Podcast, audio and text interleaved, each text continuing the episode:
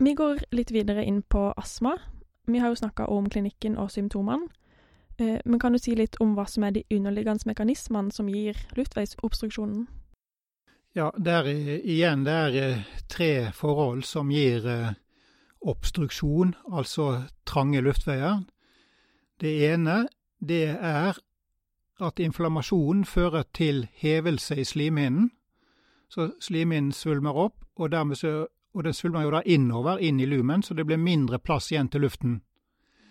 Det andre som inflammasjon gjør, er at det produseres mer slim enn normalt, så da vil jo slimet også legge seg inni lumen og stenge for luften. Mm. Og det tredje, som uh, har jo vært det mest klassiske man, har snakket om, da, det er jo dette at uh, den glatte muskulaturen som finnes i bronkial- og bronkioleveggen, at når den er irritert, så trekker den seg sammen, og dermed så snører den av luftveiene. Så alle disse tre mekanismene er med på å gjøre at pasienten opplever det som tungt og vanskelig å få luften inn og ut. Mm. Kan vi påvirke alle disse tre mekanismene med medisinene vi gir? Ja, de eh, korttidsvirkende eller hurtigvirkende beta-2-agonistene, SABA som det så fint heter, de eh, virker først og fremst på de glatte muskelcellene og får de til å slappe av. Mm. Mens inhalasjonsteoriene virker først og fremst på inflammasjonen, og dermed eh, tar vekk eh, alle disse tre årsakene til at man blir trang i luftveiene. Mm. Vi går litt mer inn på de første du nevnte, de bronkodilaterende beta-2-agonistene. Ja, altså Vi har da korttidsvirkende, altså da SABA, og eh, langtidsvirkende beta-2-agonister, LABA. Forskjellen på disse består i hvor lenge effekten av de er. Eh, de korttidsvirkende, den vanligste som vi bruker der, er jo salbutamol. Den kommer rask effekt. I løpet av 10-15 eh, minutter så har man nesten full effekt. Mm. Og effekten den er borte etter fire til seks timer. Så det er en medisin man mer tenker seg brukt i anfallsbehandling. Mm. Mens derimot LABA, altså disse langtidsvirkende, de har en seinere start. De virker ikke så raskt. Så derfor kan man ikke bruke det med tanke på å heve obstruksjonen der og da. Men de, den kommer i løpet av en time. Så begynner de også å slå inn. Men de kan da ha effekt i over tolv timer, og noen av de mest moderne kan ha effekt i over 24 timer. Ja. Så fordelen med de langtidsvirkende er jo at man kan ta de sjeldnere og likevel ha en jevn effekt, mens de korttidsvirkende de må man jo da gå og puffe hele tiden hvis man skal ha jevn effekt. Men det anbefaler vi jo ikke da. Hvorfor ikke? Nei, for det viser seg at hvis man bruker korttidsvirkende hyppig, så avtar effekten. Mm. Man får en nedregulering av beta-2-reseptoren. Og den kamuflerer eh, utviklingen av inflammasjonen i bakgrunnen. Altså man føler seg friskere enn det man egentlig er. Ja. Slik at man kan gli inn i et anfall uten egentlig å være klar over det på annen måte enn at man trenger hyppigere og hyppigere å ta en sånn beta-2-agonist. Og vi har sett eksempler på at uh, pasientene da kommer uh, noen ganger for sent til uh, behandling, og, og dør av, av, at de da ikke har fått behandlet den underliggende inflammasjonen, mm. men bare har stolt på beta-2-agonisten. Mm. Mm. Ja, for den langtidsvirkende skal man heller aldri bruke alene, er det sånn? Den langtidsvirkende brukes ikke alene, nei. Um, kanskje med noen unntak, men i astmabehandlingen så er svaret nei. Og det er fordi? Eh, fordi at hva er hovedproblemet i astma? Jo, det er inflammasjonen. Mm. Og det er inflammasjon man skal behandle for da å også dempe symptomene. Ja, ikke sant. Mm. Og en LABA vil også kunne kamuflere inflammasjon, slik at man der også kan oppleve at inflammasjonen vokser og vokser i bakgrunnen uten at pasienten eh, merker det på samme måte som at hvis han ikke tok medisiner. Mm. Så hva er det da man anbefaler å gi? Ja, astmabehandlingen i dag, i 2022, har gjennomgått et paradigmeskifte. Det kom en artikkel nå for bare noen uker siden, hvor man har egentlig snudd opp ned på hele astmabehandlingen. Ja. Før så het det seg det at hadde man lite symptomer, altså bare sånn symptomer et par ganger i måneden, så kunne man godt få en salbutamolspray eller pulverinhalator, og så kose seg med den. Men det man nå har funnet ut gjennom eh, ferske studier som har vært gjort på dette, det er at den beste behandlingen av astma, uansett eh, hvilken grad av astma du har, det er å gi et kombinasjonspreparat av et inhalasjonsteorid og en langtidsvirkende beta-2-agonist som heter Formoterol. Ja. Formoterol er spesiell fordi at den virker mye raskere enn de andre LABA. Den har et raskt innsettende effekt. Så dermed anbefaler nå GINA, som det heter, de som lager de internasjonale retningslinjene, at dette skal være standardbehandlingen ved mild astma, mild og moderat astma, at man skal ta ett eller to puff av denne medisinen når man har symptomer, og bare da. Ja. Ja. Dette var helt nytt for oss. Mm. Ja, dette er helt nytt òg. De har dog lagt et alternativ behandlingsplan som de anbefaler for land hvor det ikke er tilgjengelig denne typen medisiner. Altså Dette er jo internasjonale retningslinjer. Det er ikke alle medisiner som er tilgjengelig i alle land. Mm. Hvor man fortsatt kan bruke en Saba ved behov. Men, sier de, at da skal man bruke et inhalasjonssteroid samtidig. Så hver gang du tar en Saba, skal du da også ta en, en dusj eller et drag av en pulverinhalator av en inhalasjonsteorid. Så man skal aldri lenger bare bruke Saba. Nei, Ikke sant? Så det er det nye. Så det, det nye nå er at, eh, som sagt, at inhalasjonsteoridene skal inn allerede fra den mildeste milde astma. Selv ved anstrengelsesastma så sier de at du skal bruke nå denne kombinasjonen av formoterol og et inhalasjonsteorid. Fordi at da behandler du både den konstruksjonen av de glatte musklene, Mm. men du behandler også samtidig inflammasjon. Og avhengig av da hvor mye eller lite symptomer du har, så får ikke den inflammasjonen sjanse til å vokse seg så mye større.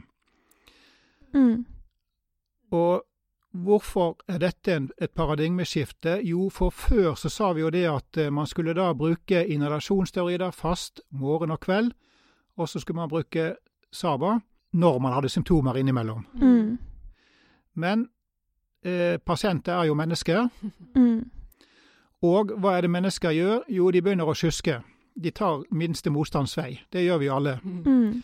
Og hvis det er en medisin du skal bruke hver dag, uke ut, år inn osv., så, videre, så vil man etter hvert begynne å, å glemme den ene, i hvert fall inhalasjonsteroidene, for den føler man jo ikke noe effekt av. Så hvis jeg glemte den på mandag, så er det ikke så farlig. Jeg tar den på lørdag. At, så, det, så det så man da, men da gjorde man en studie hvor man da lot den ene armen, den ene gruppen, bruke denne tradisjonelle metoden, altså inhalasjonssteroid morgen og kveld pluss Saba ved behov.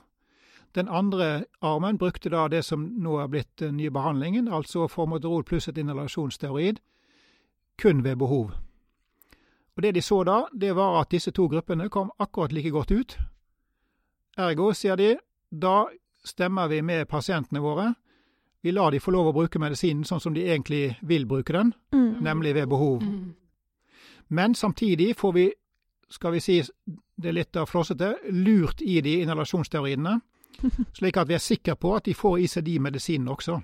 Ja. Og hvis de har mye, eller mer symptomer, så vil de jo selvfølgelig ta mer inhalasjonsteroider. Har de mindre symptomer, så tar de mindre eh, medisin i hele tatt. Og dermed, ja, for da trenger de jo heller ikke så mye inhalasjonsteroider, er tanken. Mm. Mm. Ikke sant. Dette var veldig fint å få ja. Oppdatert kunnskapen. For når vi lærte om det her, da, så hørte vi også om antikolinergika og teofilin. Er det helt borte nå? Antikolinergika er eh, ikke så ofte brukt i astmabehandling. Eh, teofilin er heller ikke så mye brukt lenger. Det er medisiner som er i verktøyskrinet, som i kanskje spesielle tilfeller Men det er mer, vil jeg da være så fredig å si, i spesialisthender. Mm. Eh, når man har det vi kaller vanskelig astma, altså astma som er vanskelig å kontrollere. Mm. Mm. Da prøver man jo gjerne både det ene og det andre fra verktøykurven. Men for tradisjonell astmabruk for de skal vi si, ni av ti pasienter, så er det det som jeg nettopp sa, som er behandlingen. Eh, når man har veldig alvorlig astma, så er det nå også godkjent at man kan bruke en LAMA, altså langtidsvirkende muskarinantagonist. Eh, eller man kan bruke en trippelinhalator med da en inhalasjonsteroid, en LABA og en LAMA. Mm. Men det er for de aller tyngste astmatikerne, de som ikke kommer til mål med ganske høye doser av inhalasjonsteorider. Mm. Mm. For det kan jo være noen bivirkninger ved å ta for mye Saba eller Laba. Kan du si litt om det? Ja, bivirkningene ved å ta for mye lama, så kan man bli litt tørr i munnen. Det er det, og, og så er det også noen som sier at man kanskje kan få litt sånn vannlatingsproblemer. Men det tror man vel helst er mer i teorien enn i praksis. Ja. Når det gjelder eh, LABA, så vet jeg ikke om så mange alvorlige bivirkninger som jeg pleier å advare pasientene mot. Men kanskje dere har noen? Nei, nå tenkte jeg kanskje på Saba, at man kan bli litt urolig eller få litt Ja, hjertebank. Saba, ja, når du tenker på de hurtigvirkende beta-2-agonistene. Ja, når du tar de, så, så får man også en viss spillover, selv om de da går direkte til lungene, så blir det en viss spillover til blodet. Og det er litt beta-2-effekt også i, i tverrstripet muskulatur, så man kan få en litt sånn eh, rar følelse av at det, det nærmest sånn lever i muskelen, litt sånn skjelvinger som man ikke ser, da. Men man får følelsen av at eh, det kribler i muskelen på en eller annen måte. Mm. Så det, det vi som har prøvd denne medisinen, kan jo beskrive det. Jeg vil jo anbefale alle å prøve en sånn medisin en gang. Det er ikke noen farlig medisin, men da får du bare får du også prøvd hvordan det er å få denne kalde spraydusjen bak i halsen. Ja, det er ikke så dumt, det. Og så kan man da også se en viss effekt på hjertet, men den effekten på hjertet er ikke stor. Og jeg har noen ganger fått spørsmål om ja, men skal vi gi beta-2-agonister under et kraftig astmaanfall eller kolsekserbasjon, for pasienten er jo allerede svært takikard. Mm. Men da pleier jeg å si at nei, vi gir det for, vi gir det for å dempe takikardien. Det er adrenalinet til pasienten som eh, driver opp hjertefrekvensen. Mm. Pasienten kjemper for livet, og da går adrenalinspeilet opp. Så vi skal prøve å få adrenalinspeilet ned, og det gjør vi gjennom å åpne bronkiene. Mm. Med tanke på Saba, er hypokalemi noe man skal være redd for? Eh, Jeg har jo sett og lest om at det forekommer, men jeg har aldri opplevd det som noe problem. Nei. Ikke med de dosene man bruker i inhalasjonssammenheng. Mm. Det var kanskje mer et problem før hvor vi hadde da beta-2-agonister i tablettform, men det har man jo gått bort ifra etter at man fikk så gode inhalasjonshjelpemidler. Ikke sant? Mm. Hva med bivirkninger knytta til de her glukokortikoidene, da? De betennelsesdempende? Inhalasjonsteroidene har eh, de to vanligste bivirkningene der. Det er at man blir eh, sår i halsen, eh, noe som da skyldes en soppinfeksjon. Man får det vi kaller trøske. Mm. Den andre er det at man får en påvirkning av musklene som styrer stemmebåndene, slik at man blir hes. Og som vi var inne på i sted, de bivirkningene behandler vi jo dels ved å, å be pasienten om å skylle munnen etter han har tatt en inhalasjon, for å få vekk eh, disse lastebilene som har lagt seg bak i svelget. Mm.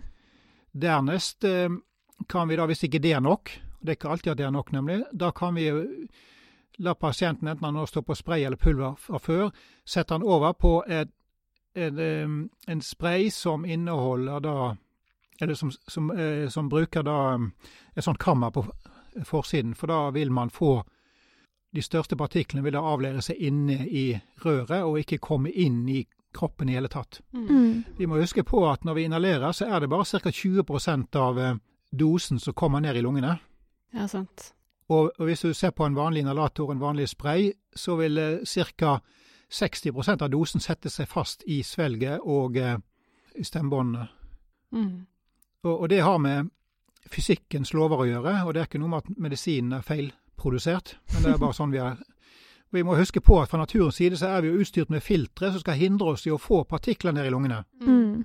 Så når vi bruker noen inhalasjonshjelpemidler, så prøver vi jo på en måte da å lure kroppen Mm. til å likevel kunne inhalere noen små partikler. Og de partiklene, de vet dere, de er små. De er under fem mikrometer.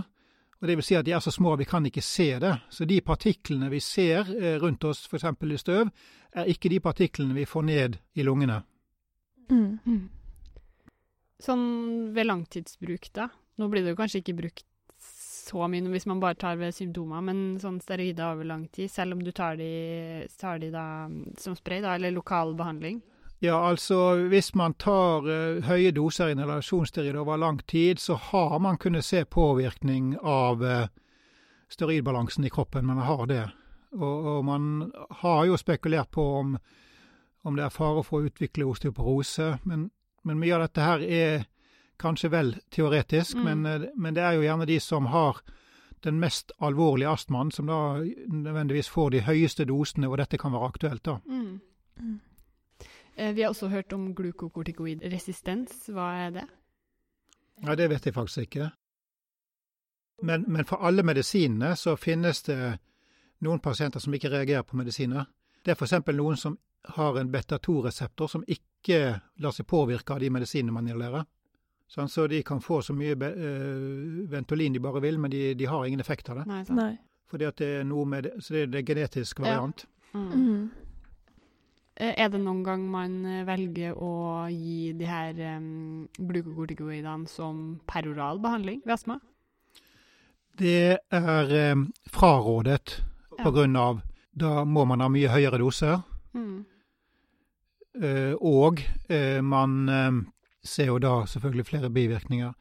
Så i- i praksis så brukes i dag inhalasjonsteorider i vedlikeholdsbehandling og hjemmebehandling. Mm. Og så brukes perorale steroider i akuttbehandling, altså sykehusinnleggelse, eller når man har kraftige anfall. Så det Mm. reserveres til de tilfellene. Mm. Mm. Vi har jo lært om leukotrien, antagonister som Montelukast. Er det noe i bruk nå med de nye retningslinjene? Nei, de har ikke fått noe stor plass i de nye retningslinjene. De har ikke det. Nei. Eh, som jeg sa, så er det et verktøyskrin der. Så når man begynner å komme i den tyngste, vanskeligste pasientgruppen, den gruppen som heter alvorlig astma, så kan man prøve å spesialdesigne behandling til den enkelte pasient. Mm. Mm. Men sånn i uh, allmennpraksis, da, hvis vi tenker oss dit, som vi skal forhåpentligvis om et lite års tid, så er det den her eh, du snakka om eh, innledningsvis, den sprayen med kombinasjon som på en måte allmennlegen kan håndtere, og så hvis ikke det kommer til mål, så skal de kanskje til deg eller noen andre? Ja, altså hvis du har en pasient med alvorlig astma, så vil jeg anbefale å henvise til en, en lungespesialist, Mm. rett og slett for å gjennomgå A. Er det riktig diagnose? Mm. Og, og B. Eh, hva er underliggende forklaring på de dårlige resultatene av behandlingen? Mm.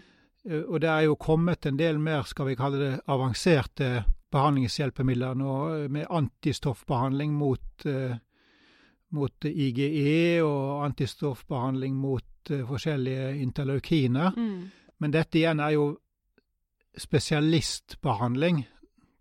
Det er få pasienter av den store skal vi si, hverdagsastmatikerne som trenger dette her. Mm.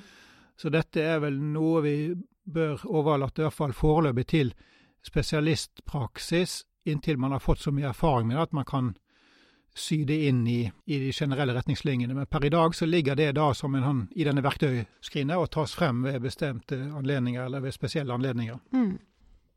Så man har ikke noen doser å gå opp på heller. Det er liksom den her dusj eller, eh, dusj eller pulver, da.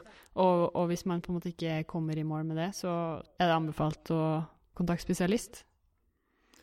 Ja, altså du kan si at uh, det finnes fortsatt en sånn trappetrinstilnærming uh, når det gjelder astmabehandling. Mm.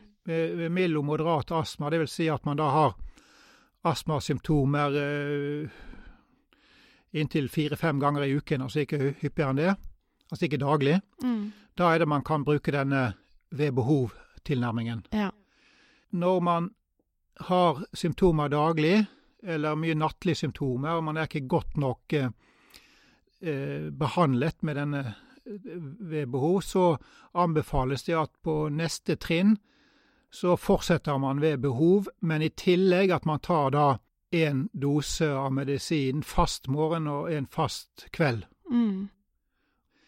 Og er ikke det nok heller, så går man opp til to doser morgen og to doser kveld. Og da er vi oppe på trinn eh, tre. Mm. Mm. Og på trinn fire, da begynner man å snakke om eh, verktøyskuffen og, og, legge til det man har. For hvis man ikke har fått effekt når man er oppe på, la oss si, over 800 mikrogram eh, budesonid f.eks. i døgnet, da bør man tenke andre medisiner i tillegg. Mm. Mm. For da er ikke inhalasjonsteorier nok lenger. Da må man ha annen antiinflamatorisk behandling. Mm. Og da skal de være hos dere i spesialisthelsetjenesten? Ja, da bør du være, med mindre du har veldig interesse. da. Det er jo noen uh, allmennpraktikere som er veldig opptatt av, uh, av uh, lungesykdommer. Lunge i praksis er jo en egen, egen gruppe av allmennpraktikere. Så jeg sier ikke at det må til spesialist, men, men, i hvert fall en som er vant med å tenke litt mer, og som har erfaring med dette, da. Mm, ja slik at man ikke bare pøser på med medisiner uten å tenke på hva er det jeg holder på med, egentlig. Mm.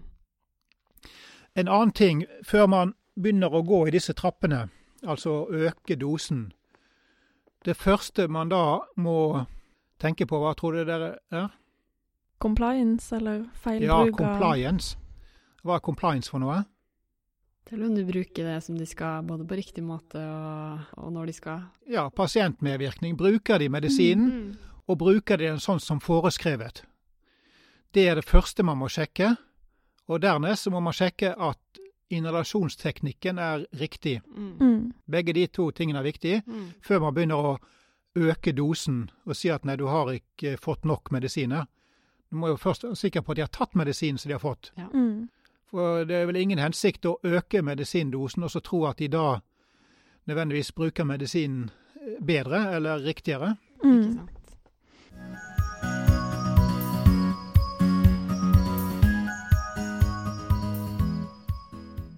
Vi oppsummerer.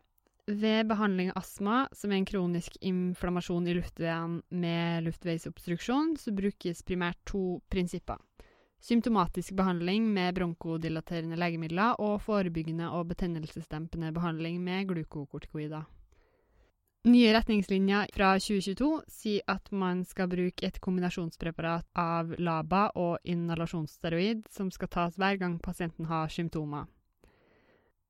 Ved symptomer utover det her gis fast dosering morgen og kveld, og man har i tillegg flere verktøy i kassa, som anticholinergika og leukotren-antagonister. Bivirkninger er systemisk beta-stimulering, som kan gi uro, tremor og takykardi. Den viktigste bivirkningen av inhalasjonssteroid er soppinfeksjon i munnen, som kan forebygges ved å bruke kammer og skylle munnen godt etter inhalasjon.